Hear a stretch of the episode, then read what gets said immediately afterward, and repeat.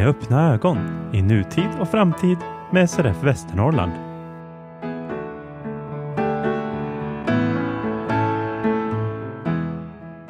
Synnerligen god fortsättning och välkomna till Med öppna ögon. Vi skriver ehuru otroligt år 2024 den 1 januari. Hur känns det Kristoffer? Är du liksom medveten om att vi har gått in i ett nytt år här? Ja, man börjar väl bli det, men det är ju det är rätt tidigt på året än så länge, så att, eh, jag tror jag hinner uppåt. Ni som är trogna lyssnare har identifierat våra röster, jag, Peter Tjernberg och kollega, producent, klippa, Kristoffer Thelin mitt emot. Hur står det till annars? Jo då, det, det är bra. Själv då? Jo, men det är stabilt tycker jag. Varvade ner lite runt jul, jobbade mellandagarna och sen Eh, har det gått ner lite i varv igen, men vi går ju alltid uppåt igen. Så jag, jag, tycker det känns bra och det känns jättekul att sitta i studion igen för att på något vis analysera samtiden och försöka i alla fall spegla vad som ska hända i framtiden. Det är väl målet med podcasten. Och vi kommer att fortsätta under 2024. Tanken är att vi ska komma ut med ett avsnitt i månaden. Men innan vi går över på dagens innehållsdeklaration så låt oss backa lite. Det var ju så att eh, den första november satt flera och väntade med spända anletsdrag, men så kom det inget podcastavsnitt. Eh, Vadan detta? Ja, vi hade lite svårigheter med innehåll och, eh, och faktiskt så kom det ikapp med att jag faktiskt inte hade tid att, att klippa den, den, det avsnittet som skulle vara då. Det tog längre tid än vad jag trodde och jag hade mer att göra i övrigt än vad jag trodde.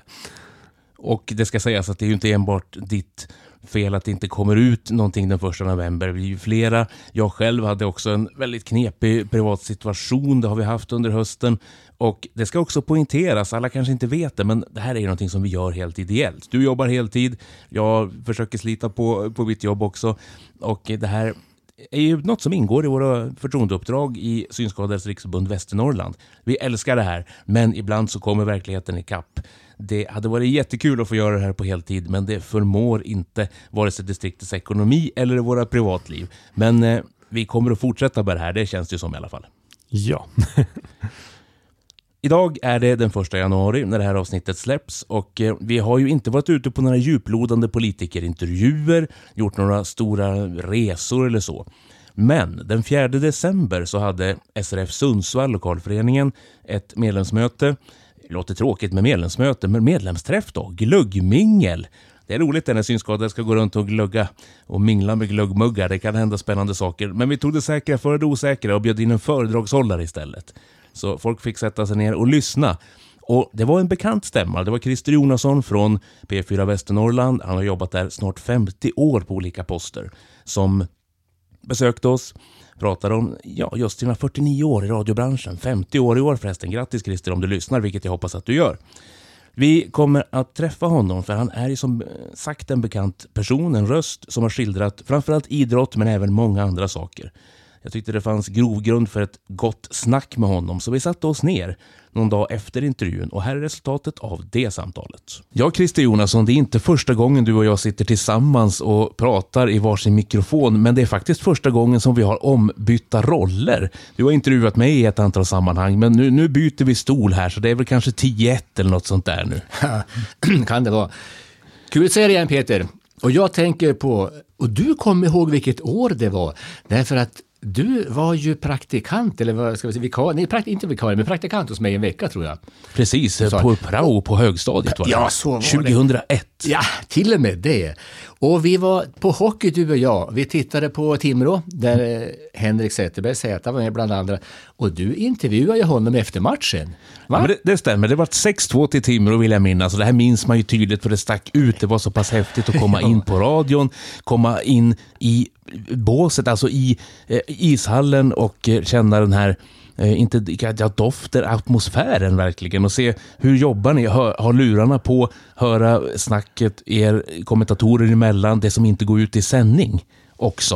Eh, för det är, det är en show i showen tyckte jag. Du, där har du en, en bra tanke, en bra kärna. Därför att det är så många som jag skulle unna som lyssnar på radio som är vad ska man säga, trogna lyssnare på Radiosporten som hör oss och Roger Burman som sitter i studion, vi andra på arenorna.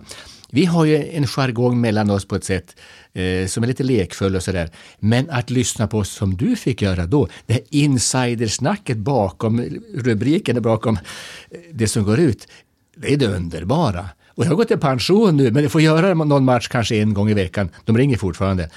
Då känner jag att, ja, tänk att jag äntligen, eller än, ännu får vara med. Och vara med om det här som är svårt att förstå egentligen, men du har ju varit med, jag har hört snacket bakom här att det är lite speciellt. Väldigt speciellt och ni formar ju det där. Men du, Ja. nu, nu får vi ta det här från början Ja. lite, lite, lite kronologiskt. Ja. Jag, jag är skadad ur den bemärkelsen. Ja, vi, men vi, kommer att flaxa, rätt, ja. vi kommer att flaxa runt. Ja. Men du säger ju själv att du har gått i pension. Född 1952, har rätt så långt i researchen i alla fall. Samma datum som Napoleon och Martin Ljung. I övrigt inga likheter. Är vi på augusti? Vart är vi någonstans? Ja, 15, 15 augusti. Ja. 15. Ja, Ljung hade jag en eh, känsla för augusti i alla fall. Det var, det var en bra ledtråd där. Ja, ja, Men stämmer. vi är i Ångermanland nu, eller var, var är vi? Då är vi, rötterna är längs Faxälven, Edsele och eh, Helgum.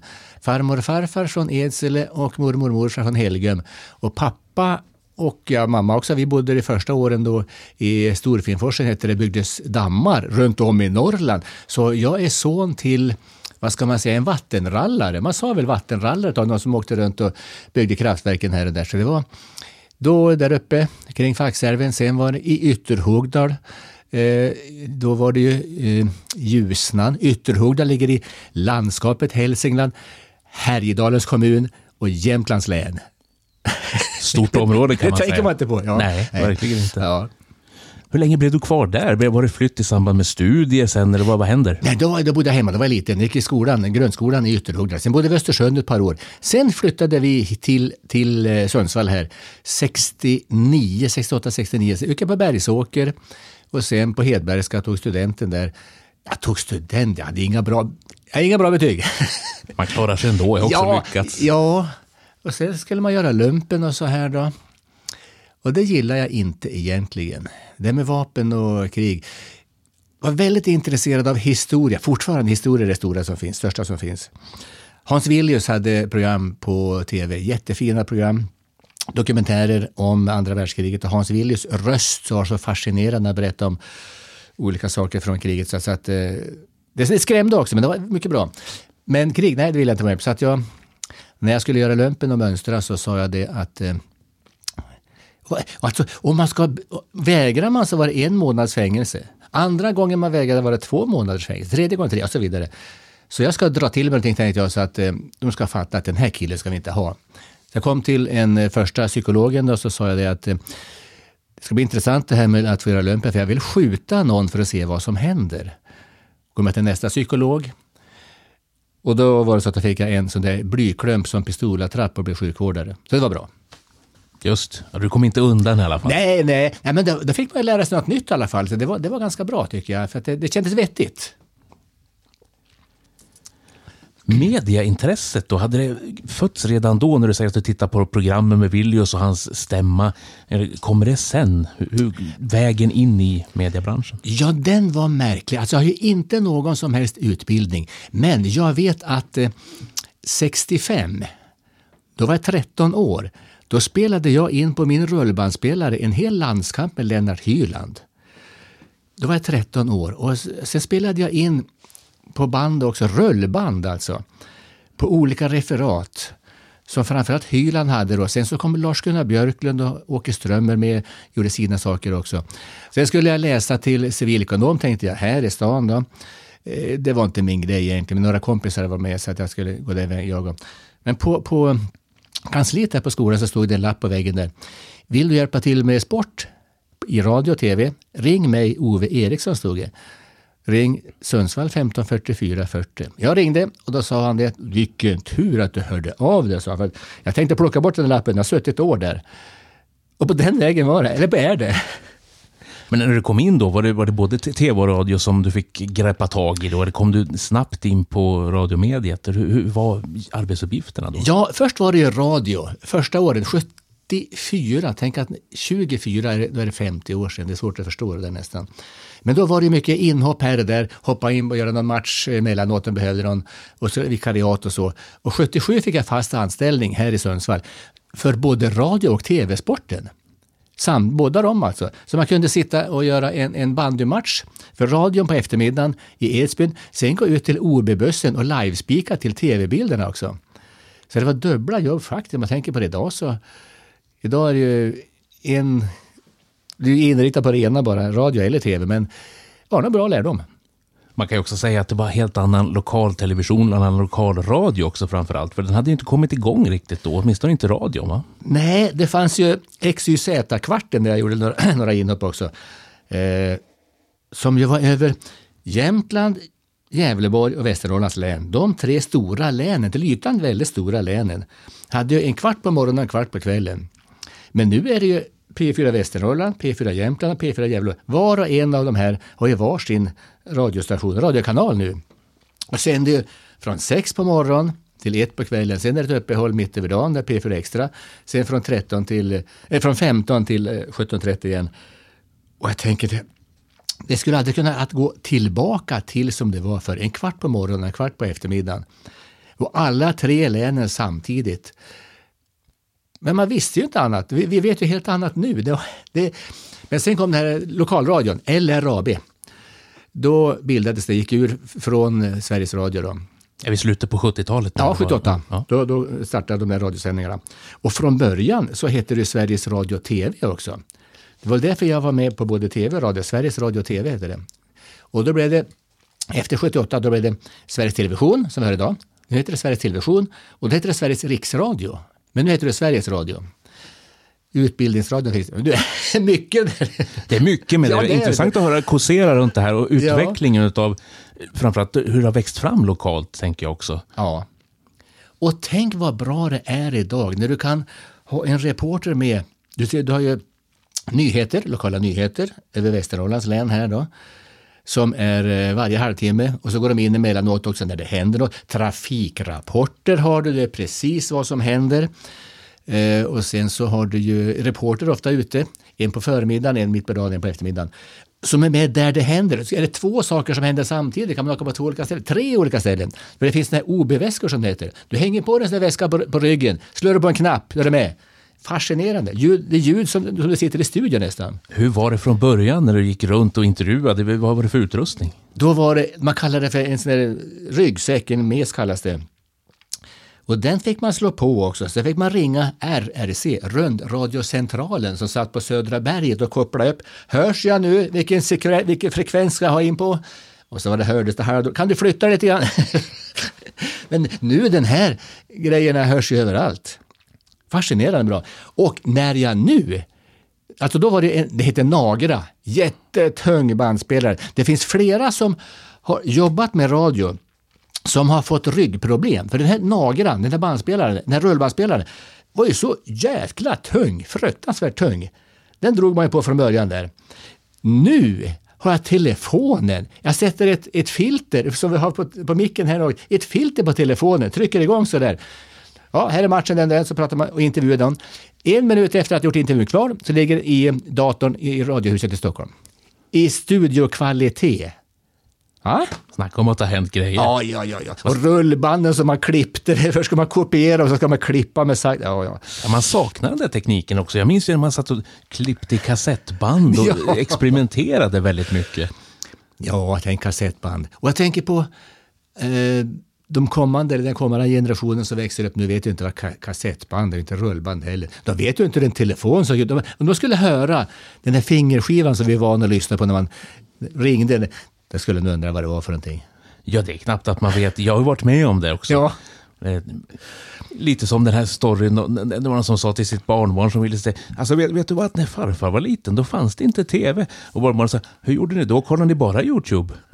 ja. Det tycker jag det är bra, det säger någonting om Ja, det är samtiden. Det, det är det faktiskt. Det är det faktiskt. Idag är det så här också, tycker jag. Jag skriver en del krönikor för Svenska Tidningen ibland. Och då, då var det förra gången om att eh, hjärnan har flyttat ut i vår iPhone. Därför att eh, vi fick telefonen för att prata i. Nu, nu skriver vi i den. Och sen så har vi allting, QR-kod heter och det, vi sköter allting, biljetter och allt möjligt. Allting sköts via telefonen, jättemärkligt men det är, det är bara att följa med alltså. Ja, och det underlättar ju när det fungerar och Ja, när folk alltså, har- lyckas. jag sen, sen trasslar det ju till sig. Det måste ju vara extremt utsatt kan man ju tänka också. Ja. Om man stänger ner det här ele- elektroniska. Ja du, det har jag tänkt på någon enstaka gång men jag vill inte tänka så mycket mer på det. För att, att om, du, om du tar bort eh, elektricitet och den här att man kan vara med på nätet och få allting där så ja, jag vet inte vad som händer. Något Nej. händer. Men ja, vi, det gör, ja, kanske, kanske ingenting händer, det blir tomt i allting. Förmodligen. Ja. Vi, vi får trösta oss med ännu fler minnen här och jag tänker att vi, vi måste hoppa in på sportjournalistiken Ja, ja. också. Eh, som du också började, var det först ut i princip också med, med bevakning, lokalbevakning och så vidare och bygga upp det från, från eh, 70-talet och framåt. Ja, vi var inte så många här då. Eh, och sen, eh, det var ju så stort område för att då, då hade jag Hälsingland och där var det bandyn så stor. Bollnäs, Broberg, Edsbyn och Ljusdal. Fyra lag där. Så att det var i stort sett varje söndag var det åka ner mot Hälsingland. Ibland kom jag tänka på när man kom ner mot eh, Gnarp här. Vart var det jag skulle nu då? Var det Ljusdal? eller Var det... Men ofta, alla gånger åkte jag rätt faktiskt. Och sen var det Övik, Modo Hockey, Timrå Hockey, Giffarna på sommaren i fotbollen. Och, eh, jag brukar säga det att det är ungefär, på, på de här 49 åren nu så är det ungefär 3400 matcher som jag har bevakat. Och ett jobb som har bestått i att titta på vuxna karlar som jagar bollar, är det ett jobb det? Jag börjar fundera ibland. Ja, Ja, det kan man grunna på. ja det låter konstigt. Lyssnarna får avgöra det här, men du, du har ju åtminstone klarat det jobbmässigt. Ja, men det känns ju som att det, det har ju också bidragit. Folk bryr sig och då får man säga att det finns en viss vikt i det i alla fall. Det har du rätt i. Därför det känner jag också att eh, även om det Sporten är en pseudohändelse kan man säga. För du, du, behöver ha, du vill må bra, du ska ha mat och du ska ha husrum och du ska ha ordnande förhållanden. Men sporten kan vara en, en positiv krydda som gör att vardagen blir bättre när, när du är engagerad i någonting. Det ska inte vara för mycket engagemang men, men det, det, det, det ger en hel del. Och det blir, eh, som uppe i Övik kan jag tänka på, när det går bra för Modo, alla Öviksbor stiger lite grann i värde då. Det betyder mycket. Det. De, de får en samhörighet. Hälsan blir säkert bättre också. Ja, det tror jag Kanske definitivt. sover bättre på nätterna. till och med Man det. Behöver inga sömnmedel, sömnpiller. Ja, det är klart. Du, om Modo förlorar på matcher i rakt, då, då, då, då behöver de sömnpiller tror jag. Då, då är det oroligt vet du. Antagligast är det så. Ja. Hur var anställningen då? Jag tänkte du jobbade mycket åt Radiosporten, men var du fortfarande anställd på P4 Västernorrland eller var det uppdelat på något vis? Nej, det var, först var det Sveriges Radio och TV. Då, det var första gången som fast anställd 77. Och, och eh, då, 81, så tyckte jag att det inte var så kul att vara med i TV längre. Vill inte bli igenkänd. Så då kunde jag gå över till radion. När, när Riksradion särade på sig från TV så då fick vi som jobbade ute på distrikten som det heter. Det var ju alltså de som jobbade i Dalarna, Göteborg, Småland, olika ställen, Norrbotten och här då. Så fick vi välja om vi skulle tillhöra TV-sporten eller radiosporten. Vi var eh, 18 stycken ute på distrikten. 16 av dem valde TV. Det var jag och en till som valde radio. Thomas Simpson i Göteborg, han valde också radio. Han blev präst senare. Inga eh, likheter i övrigt. Ja, var och en blev salig på sin tro Ja, i alla precis, fall. så kan man så kan man säga, se, ja. se det hela. helt rätt, helt rätt. Och det här har ju fortsatt. Vi måste gå in också. 3000 eller 4000 möjligtvis Ja. matcher. Du kommer säkert upp i fler också. Men kan du plocka ut några som sticker ut mycket för att det var konstigt, för att det var extra glädjande, för att det hände konstiga saker sådär? Har, har du någon topplista så eller är det svårt? Ja, men alltså intressant är det ju faktiskt om man tänker på när vi var till eh, bandy-VM i Minnesota 95. När jag eh, tittade då och bandy var ju så liten i, i eh, USA, de ville göra bandyn stor så det blev VM där. Tittade på ett museum där i Minnesota, i Minneapolis, så såg jag eh, den här dagboken som drängen till Per Andersson hade skrivit. Per Andersson flyttade från Hassela, emigrerade 1850 till eh, USA. Och han, drängen skrev en dagbok som fanns på Minneapolis historiska museum. Det tittade jag i den dagboken. Det var samma dagbok som Wilhelm Moberg hade hittat och tittat i 1948. Han lånade en cykel. Efter dagboken följde han den, cyklade runt Och sen så skrev han Utvandrarna. De fick heta Karl-Oskar och Kristina. Men det är ju fel! De är ju från Hassela. De ska heta något, Per Andersson och hans fru är ju.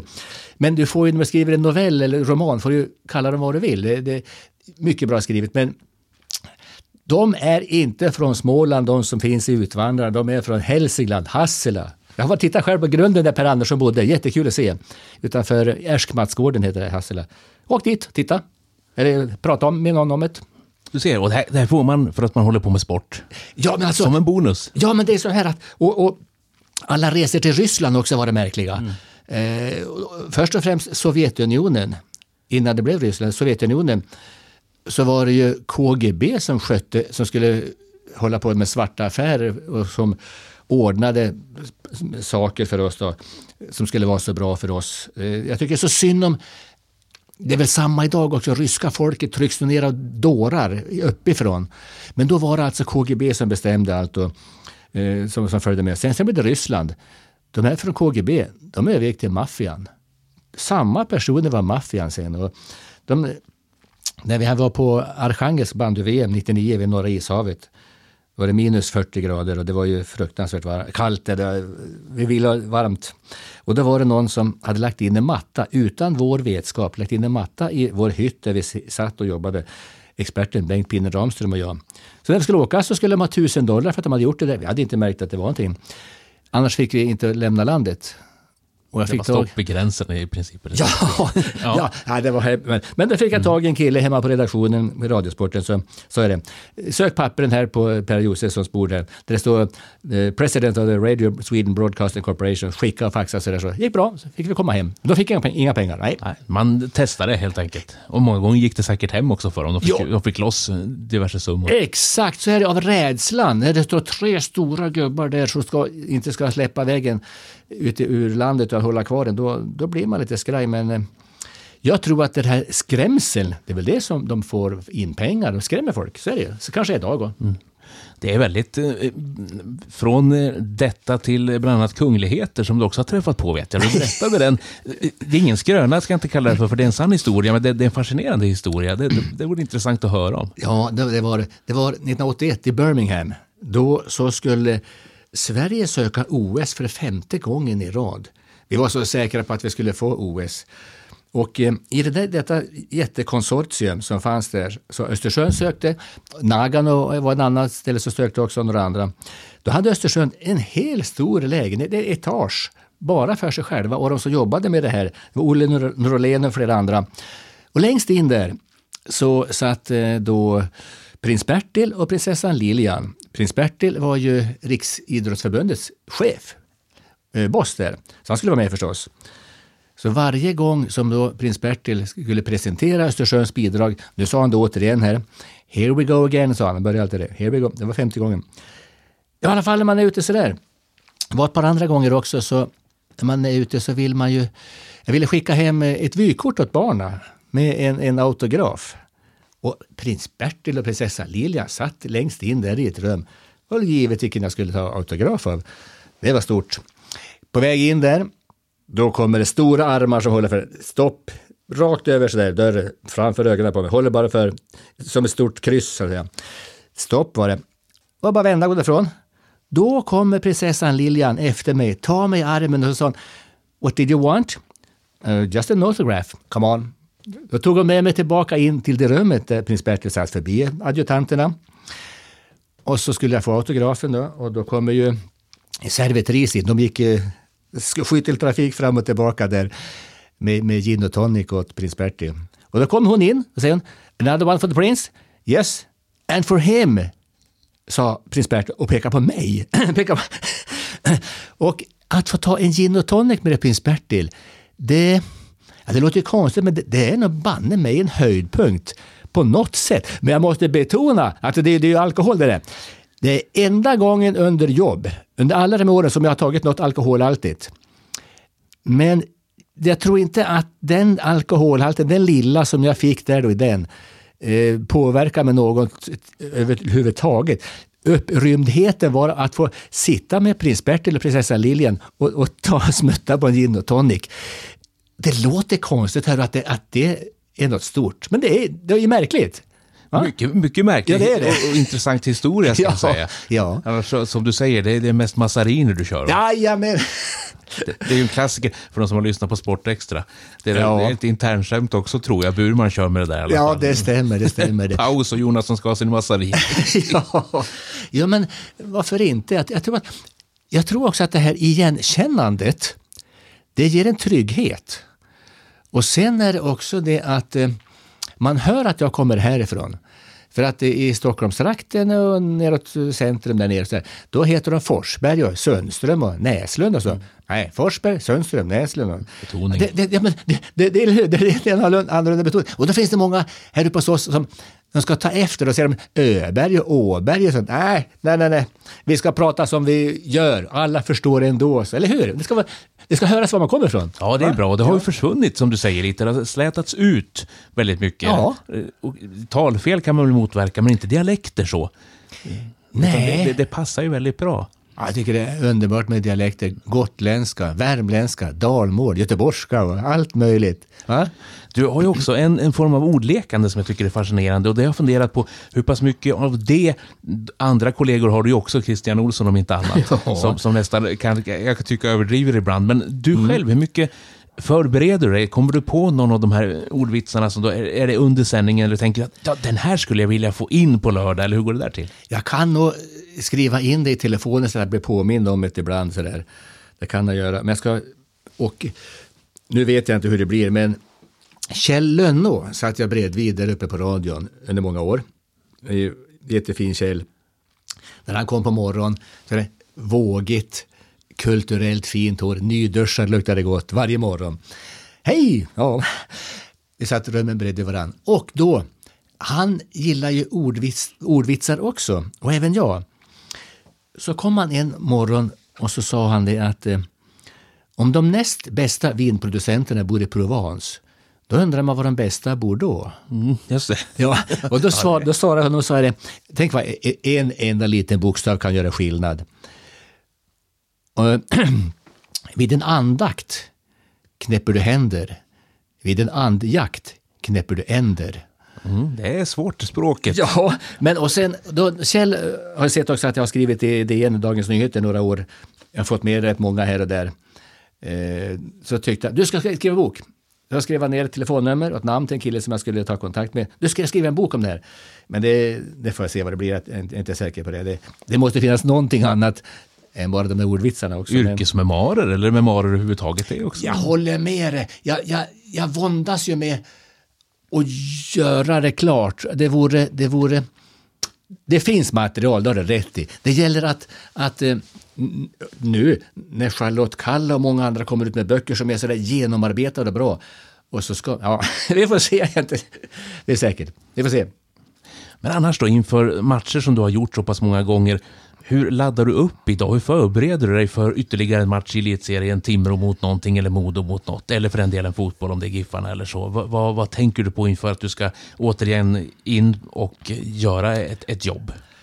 Ja, senaste åren har jag inte gjort det, för nu är det så mycket information som finns på, på nätet och statistik från, från varje klubb, från varje lokaltidning. Så, men jag ringde dagen innan till respektive tränare i båda lagen. Fick laguppställning som jag skrev ner ordagrant. Och det var, det var ju banne med väldigt bra, för jag fick väldigt bra kontakt med alla tränarna i både allsvenskan i fotboll och högsta serien, elitserien i hockey och, och SHL. Det var ett väldigt bra förtroende där. För då så hade jag fått det dagen innan. Och sen så när det är uppvärmning inför matchen så, så kör de ungefär en 20-25 minuter på hockeyn uppe Och då stod ju tränaren i båset. Då gick jag alltid ner och kollade in, in i det sista om det var något som, som eh, hade ändrats och hänt där då. Och det, är alltid, det gör jag inte numera. Men jag kommer ihåg en gång uppe i Övik. Modo mot AIK. Och Börje Salming hade spelat tror jag 16 säsonger i Toronto. Men han kunde, var väl på väg att skulle sluta nästan då. Men han visste ju att i Toronto kunde han inte vinna Stanley Cup. Så han gick till Detroit sista året där. Spelade en säsong i Detroit. Sen kom han in till AIK. Och spelade AIK. Och sen så var det match uppe i Övik. Då går jag ner till båset för att ta med tränaren det sista som hade hänt. Om det var några förändringar och så. pratade med tränaren där. Och då kommer Börje Salming, hade slagit av klubban, slängde klubban in i båset där vi stod. Och så var jag klar med tränaren. Då tittade jag på golvet där. Då tog jag med klubbbladet där från Börje Salmings klubba. Från, och han var skadad i matchen också, så det var sista matchen han spelade. Och Börje Salming har det var så mycket snack om här nu, är så aktuell. Så jag har hans sista klubba. Du ser. Du ja. träffade honom också i intervjusammanhang? Ja, det gjorde jag. Men eh, ibland, det var, det var ingen större kontakt, utan vissa spelare intervjuar, men många intervjuar man väldigt mycket. Men inte honom så mycket, men jag träffar också, honom också. Men klubban har du ramat in eller du bevarar den väl? Nej, den ligger i källaren. Ja. jag måste hämta den där. Han har stigit i värde. Ja. På sista senaste året. Så dels hans sorgliga slut och allt runt om som, som har hänt också, tänker jag. Med, med tv-serien. Ja, precis. Så är det verkligen. Så är det verkligen. Sen, sen så var det så här att eh, 73, den matchen såg jag på läktaren här i Timrå. Eh, Timrå mot Brynäs 1973. Då var det slagsmål här i, mitt under matchen. Och eh, det var några avstängningar här och där. Men eh, Börje Salming och slog ju också ner en Timråspelare, Men han fick ingen avstängning. Och det var 73. Sen så skulle VM spelas strax efter. Han fick, för han skulle spela VM så han blev inte avstängd. I, i VM gjorde han en succé. Så stor succé. Så att han fick komma till, till NHL. Och i och med att han fick vara med i VM, inte blev avstängd här i Timrå, kommer till VM, gjorde succé där, så banar han vägen för samtliga som har kommit sen till NHL efter honom. Han, han, han öppnar kanal som inte fanns förut. Så att det var tur att inte han blev avstängd, som han borde ha blivit här i Timrå. Ja, det kanske var andra regler idag, tänker jag, som hade trätt i kraft. Man, ja, det kan det vara. Jag vet inte, men... Ja, ja, det... men det var tur i alla fall att han inte blev avstängd här, som några andra blev. Ja, det var ju en beryktad match. Ja, ja, ja. Som var på plats alltså och ja, såg det här. Ja, visst, ja, visst. Ja, det var märkligt. Annars då med, med, om vi säger både idrottsprofiler och inte minst kollegor, för jag tänker du har träffat på vi svänger oss ju med namn ofta i ja. sportsammanhang.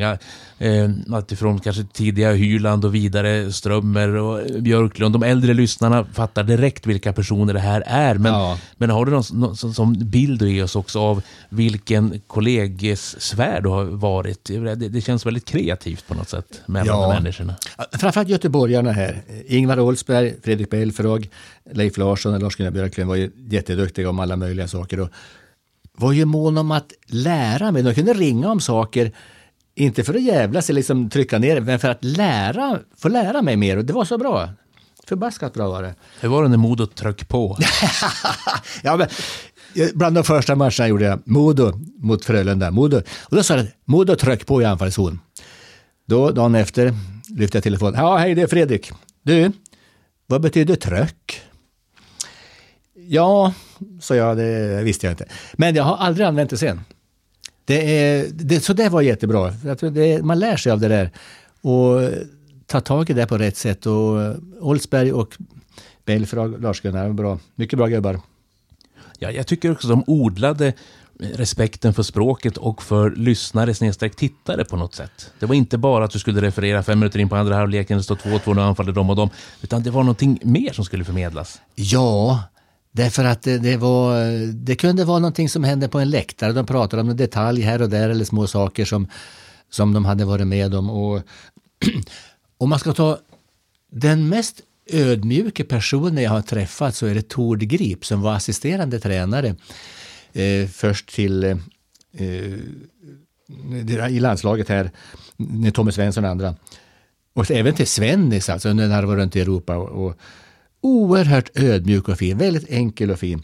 Sen en person som jag hade ju i Aftondans ett program som heter Aftondans. Just ganska länge. Ja, ja det var flera år. Ja. Och bland annat så, så hade vi Sten och Sternlöv en gång. Och eh, Sten Nilsson var en oerhört fin människa också. Vi, vi flög ner till Arlanda en gång. Då stod han där och hejade och han kom ihåg. Det kan han väl komma ihåg mig, tänkte men det, det kommer han ihåg. När vi träffas då. Och sen även Eh, Lotta Engberg, Sven-Erik Magnusson, jättefina personer också som var på dansgalor här och där. Och, eh, det, var, det, var, det var så lättsamt på något sätt i och med att man var van att prata i radio, man hade gjort i aftondans och prata med de här personerna. Så det, man, man kände ju sån beundran för dem och ändå var de så ödmjuka, så fina, det var så enkelt och fint. Ulf Elving ska jag nämna också, oerhört fin Ulf Elving. Mannen med sammetsrösten. Ja, ja och, så, och så prestigelös och ödmjuk och enkel som, som de andra berättar om här också. Jättefina personer.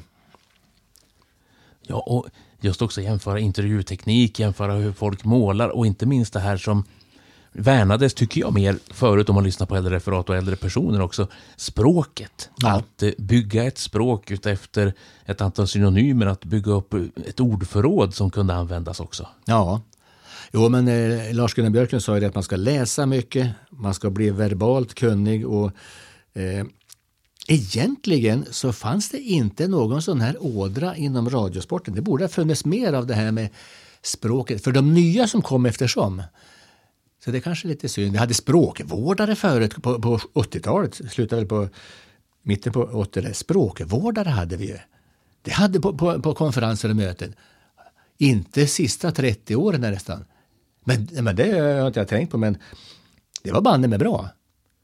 Ja, det blev väl en medvetenhet om språket i alla fall. Att man kunde måla med många färger i paletten även om det var eh, ljudligt på något sätt och inte bara eh, visa upp en bild som man ska se.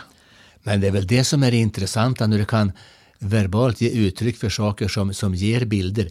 Och jag kommer ihåg ett möte, en, en konferens i Stockholm, där vi, då skulle vi ta med en intervju som, är, var den, som vi tyckte var den bästa vi har gjort under året och sen en intervju som vi tyckte var den sämsta vi har gjort under året. Och det var ju rätt lärorikt. När man spelade upp den, där, den som man tyckte var bäst var ju bra då. Och sen ska jag spela upp den sämsta intervjun. Fasen vad jag skämdes alltså. Men, men vi skulle göra det. det man lärde sig mycket av misstagen. Ja? Ja, det är väl då man bygger på någon slags intervjuteknik, tänker jag också. Ja. Kommer du ihåg din bästa och din sämsta? Kan, kan du, är det jättesvårt att säga? Det, det kan ju vara så många orsaker till att det inte funkar också, tänker jag. Ja, alltså det- Den, den sämsta intervjun som jag tog med ner dit, det var, det var Samuel Paulsson. Det är, inte, det är inte Samuel Paulssons fel, utan det var jag som kom in i fel situation för honom också. Eh, en match, så han, han blev ju proffs sen också, Stanley Cup-mästare också, från Ånge från början. Eh, spelade i Modo och så i landslaget. Det var en match i, i Övik i Modo, där när du spelar tre mot fem, när du har två utvisade, spelar tre mot fem, då är det bara att försvara. Han gjorde mål för Modo när det var tre mot fem. Det, det händer Var det sällan. Leksandsmatchen det? Vad, hur kommer du... Alltså, jag? nej. Ja, jag, jag, jag för mig Det kan det ha varit. Jag är inte helt så Nej, säker. men du har bättre, du har bättre minne än vad jag har. Nej, jag, jag, jag bara minns för det var så sensationellt på något ja, sätt. ja. Och då, då pratade jag med honom och sa men du Samuel Paulsson, det här är fascinerande. Har, har du gjort mål i spel tre mot fem förra gång? Nej, det har han inte gjort. Så det var ganska tyst. Ja, hur känns det då? Jo, det är lite ovanligt. Och så var det tyst. Det fortsatte så där, vi kom ingenstans. Men eh, han, han hade mycket att fundera på tror jag. Men om vi skulle ha gjort det i lugn och ro efteråt, lite fått distans till det hela, hade det kunnat bli helt annorlunda. Nackdelen ibland var ju det att när matchen var slut, då sa man från Stockholm, gå ner och gör en intervju så jag kan köra i, i sändningen här när det är klart. Det var nackdelen det. Därför att då hade jag bandat på bandspelaren, rullbandspelaren. Bandade och så gick man upp och sa nu är intervjun klar. Ja, banda upp så jag startar rätt. Hur, vad ska jag påa med? Jag skriver, eh, avsluta med Samuel Paulsson. Då lyssnade jag på bandet, backade så att det var rätt, precis började på där hans svar. Och så sa de, och så här sa Samuel Paulsson. Då startade jag bandspelaren uppe i Övik då, rullbandspelaren. Och då var det lite för hetsigt både för honom och för mig för att det skulle gå in på rätt sätt. Men eh, det var en lärdom. Ja, Ja, det är väl också lite det att ta hand om intervju, intervjuobjekten, ska man inte säga, men intervjupersonerna då. Eh, Och ibland blir det stress, tänker jag också. ja, men nu är det bättre då när man har telefonen. Spelar in på den och då känner jag lugnt och tryggt att då, då, direkt när det är klart så ligger det i, i datorn där i Stockholm på en gång utan att behöva jäkta upp till någon hytt igen och skicka över och starta en bandspelare på rätt ställe. Och, men att, eh, att vara förberedd Eh, det är ju A och O och, och framförallt för den man intervjuar också. Eh, 1980 var det Per Arvidsson och Bengt Baron som tog varsitt OS-guld i simning i OS i Moskva. Så när bragd, nu har vi haft, nyss sagt bragdutdelningen. Bragdmedalj 1980 skulle delas ut. Stora favoriter var simmarna Per Arvidsson och Bengt Baron hade varsitt OS-guld i simning. Men jag tänkte på att det kunde bli Wasper också. Wasper slog ju Mieto med någon hundradel i Lake Placid 1980. Det var ju det referatet från Åke Strömmer. i så Va? Har du hört det? Ja, ja absolut. Det är inklippt i jag, bland- århundradets referat. Ja. Som, som man, ja, oh, absolut. Exakt, exakt. Ja, det är så bra. Och så Assar hör man bakom. Han hinner inte. Och så åker, han hinner inte. Och så säger Assar, jo, han hinner. Ja, han hinner. Men alltså, och berätta så höjer han. Det var det värsta jag varit med Och det är sån, det är sån inlevd, det är så bra. Och så att jag tänkte, det var morgonmöte där. Eh, Tv-sidan morgonmöte. Den dag som bragdmedalj skulle delas ut och då var det någon av simmarna som skulle vara. Då sa jag det. Det var ett tv-team. Har de ingenting att göra idag? Kan inte vi på chans åka till Åsarna ifall det blir Wassberg? Då måste vi åka nu, för nu skulle vi filma utomhus. Det blir mörkt. Ja, åk iväg, far iväg då, sa de. Kom till Rätan och ringde. Vi hade inte mobiler då. Kom till Rätan på vägen dit, ringde Stockholm. Eh, och tänkte höra vem som hade fått bragdmedaljen. Köp en lott, det blev Wassberg. Ingen trodde på honom, bara du. Och då var det någon mil kvar till Åsarna. Kommer dit. Och man förbereder ju alltid innan. Va? Men det fanns ingen chans. Då sa ju han som hade hand om kameran. Du, ta ut grabben. Han är en, från, en ledare från Åsarna. Var inne och hämta. Ta ut Wassberg på en gång. Bara vi kör på en gång. Det finns ingenting att vänta. Det är så mörkt. Det går inte att sända snart. Kan inte banda. Och så Wassberg kommer ut. Jaha, Thomas. Ja, vad säger du då? Fått bragdmedaljen. Jag ska, ska inte ta emot den här, han. Va? Ska du ta emot bragdmedaljen? Nej, så. Nej, jag ser att eh, Lundbäck har fått den för två år sedan. Det var större bragd. Jag har inte gjort någon bragd. Och just det där sa, va? Ska du inte ta emot medaljen? Snacka om att man är oförberedd. Det fanns inte en chans. Det var alltså... Det är så himla märkligt just den där delen. Ja, in, ja det, det är en märklig man överlag. Ja, var- Han principfast kan man kalla Ja, honom. Du, det dröjde 13 år, sen tog han emot medaljen. Han gjorde det sen. Han ville ju dela den på något sätt också. det var mycket med det här. Med Mieto, va? Ja.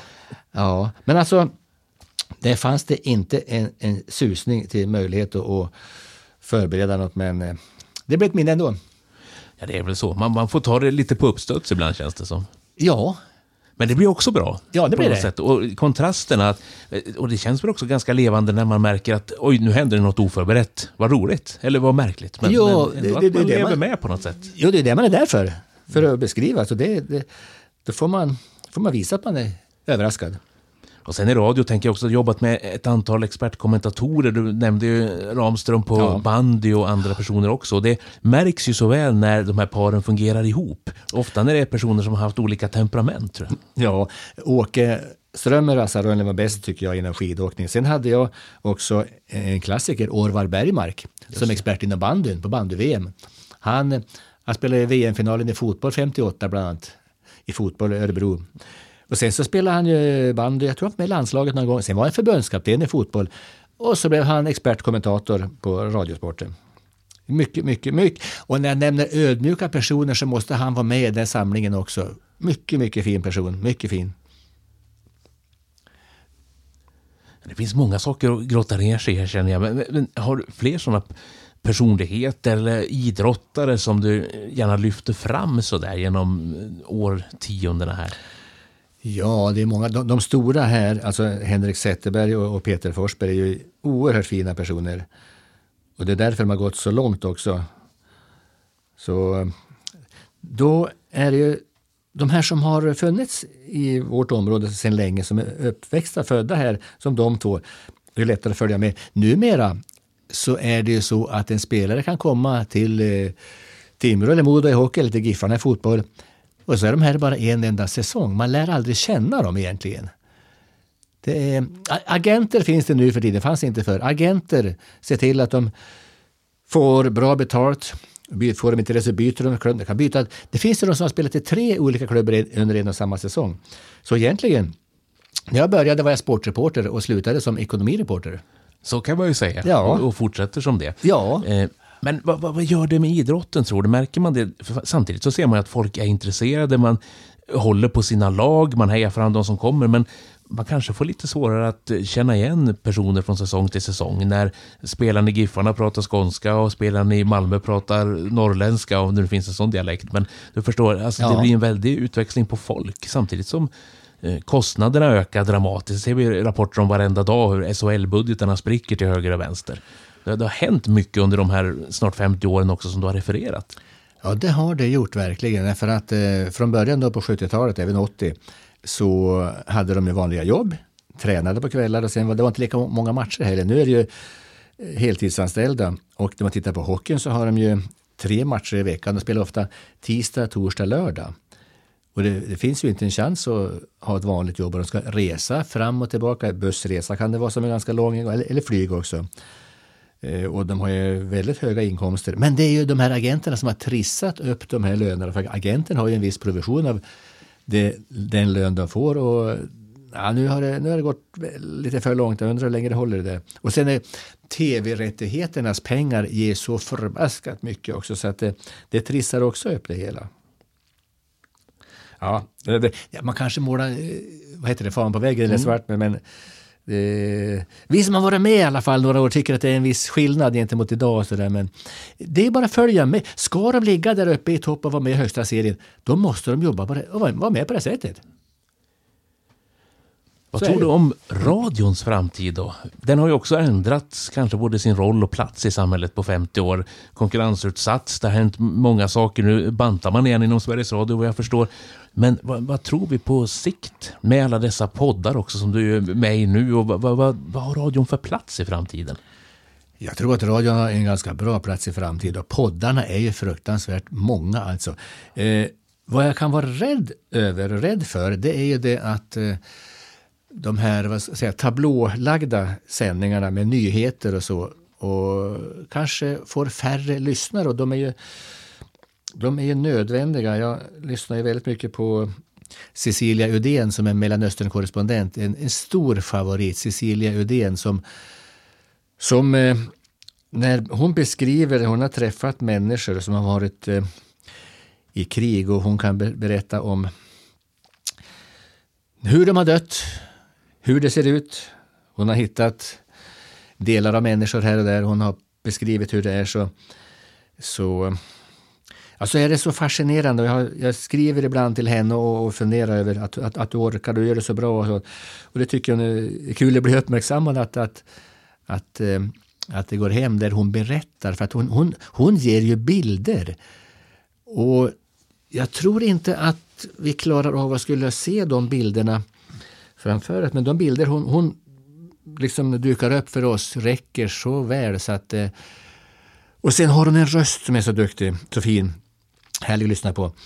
Eh, och så finns det han eh, Fredrik Wadström som kan ryska, som gör eh, Rysslands, Rysslands porren, Rysslands korren, vad heter det? Lyssnadspodden. Mm. Ja.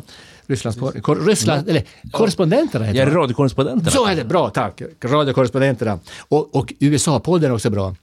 Så det kanske blir mer och mer åt det hållet. Poddarna här. Det kan vara så. Det kan man tänka att ja, det, mm kan ju vara vettigt att folk lyssnar. Samtidigt tror jag att bredden eh, tunnas ut lite. Och det gäller nog inte bara radio, det gäller allting. Att snart kan du välja, vill du bara läsa sport, vill du bara läsa ekonomi, vill du bara eh, läsa mode eller titta på eller något sånt där. Det, det, är bara min egen eh, oro som, som återspeglas i det är den funderingen. Men, men det är lite spännande just för det här när, när du får uppleva en sändning i radio, då får du ju en mix av allting. Du har en regionspolitiker som kommer dit och försvarar någonting eller berättar om någon satsning och sen har du läget i Torsbodabacken och, och sen kommer du och pratar om derbyt eller vad det nu kan vara. Mm. Ja, du har rätt. Eh, det där breda spektrat av händelser är ju så bra. Och du får ju med radion så har du ju direktrapporter. Tv så ska du... Och nu tv gör också bra, de, de kan med små möjligheter också visa bilder. Men du kan ju bara med telefonen sända i stort sett allt möjligt. Det, det är som att, eh, det är som att du, du håller ut micken i ett område, sen så spelar upp saker runt omkring där som händer och, och du berättar till det du ser. Så nej men, eh, radion blir kvar. Det, det, det tror jag. Vi kan hoppas. Det, det, tror jag också. Ja. Jag tror det behövs mer än någonsin kanske. Ja, händer det något som är eh, väldigt viktigt, någonting som är eh, och kaosartat runt om i Sverige, så då är det ju P4 på den stationen, den kanalen som man ska lyssna på för att veta vad som händer och hur man ska bete sig. Vad pysslar du med utanför radion då? Jag vet att du, du snuddar, jag vet att du skriver krönikor, jag vet att du har både familj där det bland annat ingår en uh, fyrbent kamrat som har fått namn efter en sångare. Vad, vad händer? Det, det är det jag vet egentligen. Vad vill du fylla på med här? Ja, att... Eh, jo, Elvis-hunden ja. Mm. Jättefin. En, en bichon, en, en liten fin vit liten gubbe. Och det är så bra också för att komma ut på morgon, lunch och kväll. Och en gång till, fyra gånger om dagen. Jättebra att röra sig. Sen så... så jag har sparat på galgar, klädgalgar. Och eh, det tror jag inte så många gör, men jag har samlat nu har vi avtagit lite grann. Men säg en galge! Då, då, då ska jag nog ha den. Vi var hela familjen i, i New York 2005. Bodde på Chelsea Hotel. Där Bob Dylan har bott, där Janis Joplin har bott. Eh, alla möjliga har bott där. Det, det är ett stort eh, kulturhotell. Chelsea Hotel. När eh, Titanic gick under så var det överlevande jag tror det var 1600 personer som, som drunknade, men de överlevande de fick bo på Chelsea Hotel. De hamnade där. Och sen, Chelsea hade alltså en klädhängare med namnet på. Det måste jag ju ha. Och sen har det varit från olika ställen här och där. Jag har samlat, eh, det är från olika hotell och så är det, som minnen då. Och sen så, min fru och jag var på Dramatiska teatern förra vintern och hängde in kläderna. Och då fanns det en galge som stod KDT, Kungliga Dramatiska Teatern, KDT. Så när jag skulle hämta jackan så sa jag det, kan jag inte få den där galgen? Nej, nej, det går inte, sa han. Vet du, sa jag, jag har galgen från Statt i Motala. Åh oh, jäklar, så, då ska du ha den här. Ja, det är bra. Statt i Motala, det väger tungt det. Man måste alltid ha ett svar i alla fall. Ja, är... jo, ja. då hade jag gjort en match i bandy-VM och då var det matchen i, i Motala var det. Och då följde det väl med en galge därifrån då. några andra ställen. Ja, det är bra, man, man måste ha lite sådana saker att syssla utanför, handfasta saker verkligen. Ja, eh, och sen ja, jag samlade på en del autografer åt barnen och sådär men nej, det, det är bara det. Eh, Faktum är att jag samlade på vinkorkar ett tag också. En stor sån där tunna samlat dem. Det är inte så många vinkorkar men jag tyckte det såg skojigt ut. Just det, då får man en snärj med att dricka ur de där öppnade flaskorna också. Då ja. kan man kanske samla andras öppnade på något ja, sätt. Ja, exakt. Jag, samlar, jag berättar. För, i olycka. Ja, jag, jag har inte druckit ur det som hör till. Inte alla. Men du jobbar på. Alltså det känns ju som att eh, det finns en energi, det finns en vilja framåt. Och jag vet att du har någon form av, du kallar det pensionärsanställning, det kanske till och med heter så. så jag, jag kan inte känna att du är på väg att lägga av. Hur, hur känner du för din framtida verksamhet här? Ja, det heter ju pensionärsanställning nu när jag ska in. Jag skulle skriva in tidrapporter precis som förut. Eh, det är sex år sedan jag gick i pension, men Radiosporten hör av sig ganska tätt på given. Den 19 gör jag eh, STHL damhockey i Övik. Den 26 gör jag hockey Timrå här. Eh, den 30 gör jag Edsbyn bandy. Den 4 januari gör jag Timrå och så vidare. Det är, det är lagom. Det är, det är inte fulltidsjobb men det, det känns bra att eh, hålla hjärnan igång med någonting som, eh, ja, som håller mig frisk mentalt på något sätt. Men då gör ni avtal match för match eller är det att, att, du kan, att de kollar, kan du jobba då och då så skrivs det här ihop till, till någon slags, är det, är det årsbasis då eller hur funkar det med? Nej då, det, det kommer. Nu, nu, fick jag från eh, Stockholm för, ett, någon, en, för en vecka sedan. Då stod det om matcher i januari. Då var det, då var det fem matcher i januari. Fyra i Timrå och en i Modo. Och det kommer lite då och då. Annars brukar det vara en och en, men nu var det flera där. Och sen kan du välja lite och säga, ja men de där kan jag göra och nej det där går inte. Ja men du, det, det, det är som är så svårt. Jag brukar, tänk om man ska säga nej då? Va? Just det, har de avseende? Va? Det är så man funderar. Det, ja visst, va? vad händer? Nu var det i alla fall, eh, under, under, december var det, var det sju matcher jag fick om, om där. Men då var det två jag inte kände att jag kunde åka på, det blev för mycket. Men om man tar fem av sju tänkte jag så är det väl, i alla fall, jag visar i alla fall en tendens, en vilja att vara med. Jodå. Så det gick bra. Nej, men eh, jag har tänkt så här att är det så att eh, man eh, inte behöver mig framöver så har jag fått vara med så länge ändå på övertid så att jag är fullständigt nöjd med det. Och jag tänker på, jag är inte någon travkunnig person alls, men inom travet är det så att om du, om du har markerat en häst och den är struken, då går första reserven in. Så jag, jag är väl som en första reserv då. Ja, men det är bra. Ja. Man ligger ganska bra till, alltid någon som blir struken. Jag menar det, jag menar det. Skulle det vara andra reserv, då, ah, då, då får det vara så. Men, Men du, finns det andra saker som du har kvar som du vill göra? Du har ju också gjort en del dokumentära saker och reportage. Är det någonting där som känner, det här skulle jag också vilja rota med? Ja, nu är det nog inte så mycket över till det egentligen. Men jag, när vi var i Berlin för, eh, jag tror det var 2014, så såg jag på eh, Judiska museet i Berlin där det stod en lapp om en, eh, en familj som hade skickat sin son till Sverige precis innan kriget bröt ut 39, en judisk familj. Han hamnade i Sverige. Han hette Stefan Prager. Och det stod hans namn på, som familjen hade skrivit där i, eh, på Judiska museet. När vi kom hem så dröjde det några veckor, sen tittade jag i hitta.se. Stefan Prager. Ja, det fanns en Stefan Prager. Det bodde på Lilla Essingen i Stockholm. Så jag ringde honom och då berättade jag vem jag var. Så, min en gammal röst sa, ja, vad vill du mig? Jag är 91 år. Jag har läst om att du skickades av dina föräldrar och att du undvek att du, du, du klarade dig från att du får överleva. Och sen hade jag läst lite om honom också, så det att eh, han hade, när han kom till Sverige då, precis före kriget, hade han eh, två år senare, eh, 41, skrivit ett kort hem till sina föräldrar. Han ville veta hur de mådde och så ville han berätta att han hade fått ett jobb som dräng i Småland. Han skickade ett kort eh, som de aldrig fick läsa för att redan när han skickade kortet så var de döda. Och han har aldrig någonsin fått veta heller att de var döda, inte ens idag, dagens läge efteråt hade han fått veta något.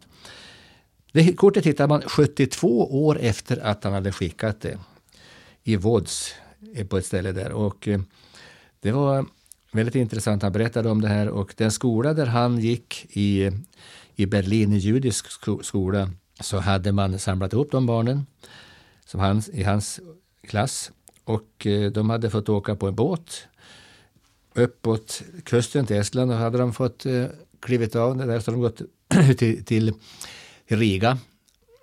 Utanför Riga där så hade de fått eh, gräva sina egna gravar där de sen sköts och begravdes i. Så det finns ett minnesmärke där som jag skulle åka och titta på som är minnesmärke för Stefan Pragers klasskamrater. Jag har inte varit dit men det, jag vet inte om det blir Men Men i alla fall fick jag åka och träffa honom och han berättade om hur det var, hur han hade levt och vad som hade hänt. Och det, var, det kändes så mycket mer intressant. Det kändes så mycket mer humant och mänskligt, mänskligt än att bara titta på karlar som jagar bollar. Men det var, det var bra att från de sista åren jag jobbade fast där få göra det som blev som en bra avslutning. Att det var så seriöst och bra. Mycket intressant person var han.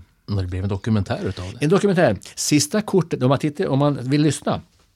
Om man vill lyssna på det så kan man skriva in sista kortet till gettot på nätet. Sista kortet till gettot. Då får man höra den här dokumentären, historien, som jag tycker känns bra. Och det, det är fortfarande svårt att än idag förstå hur det kunde vara så där i ett som man tyckte land som, som borde ha nått längre i sin mänsklighet.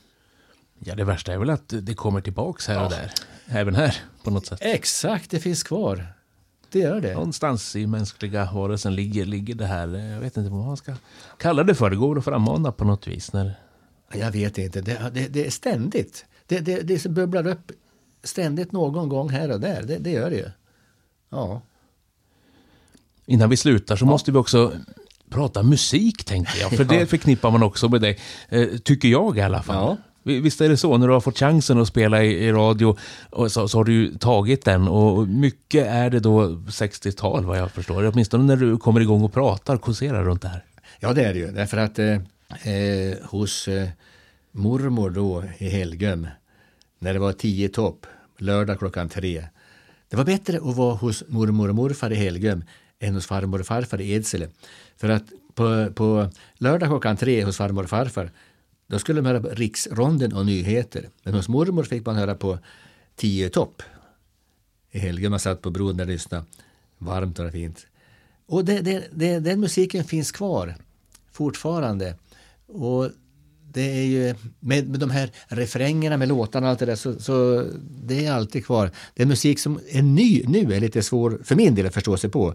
Så jag ska inte uttala mig om den men, men 60-talet det, det är grejer det. Å andra sidan var vi alldeles nyligen uppe i Övik och tittade på eh, Lars Winnerbäck Ja. som har såna enorma texter.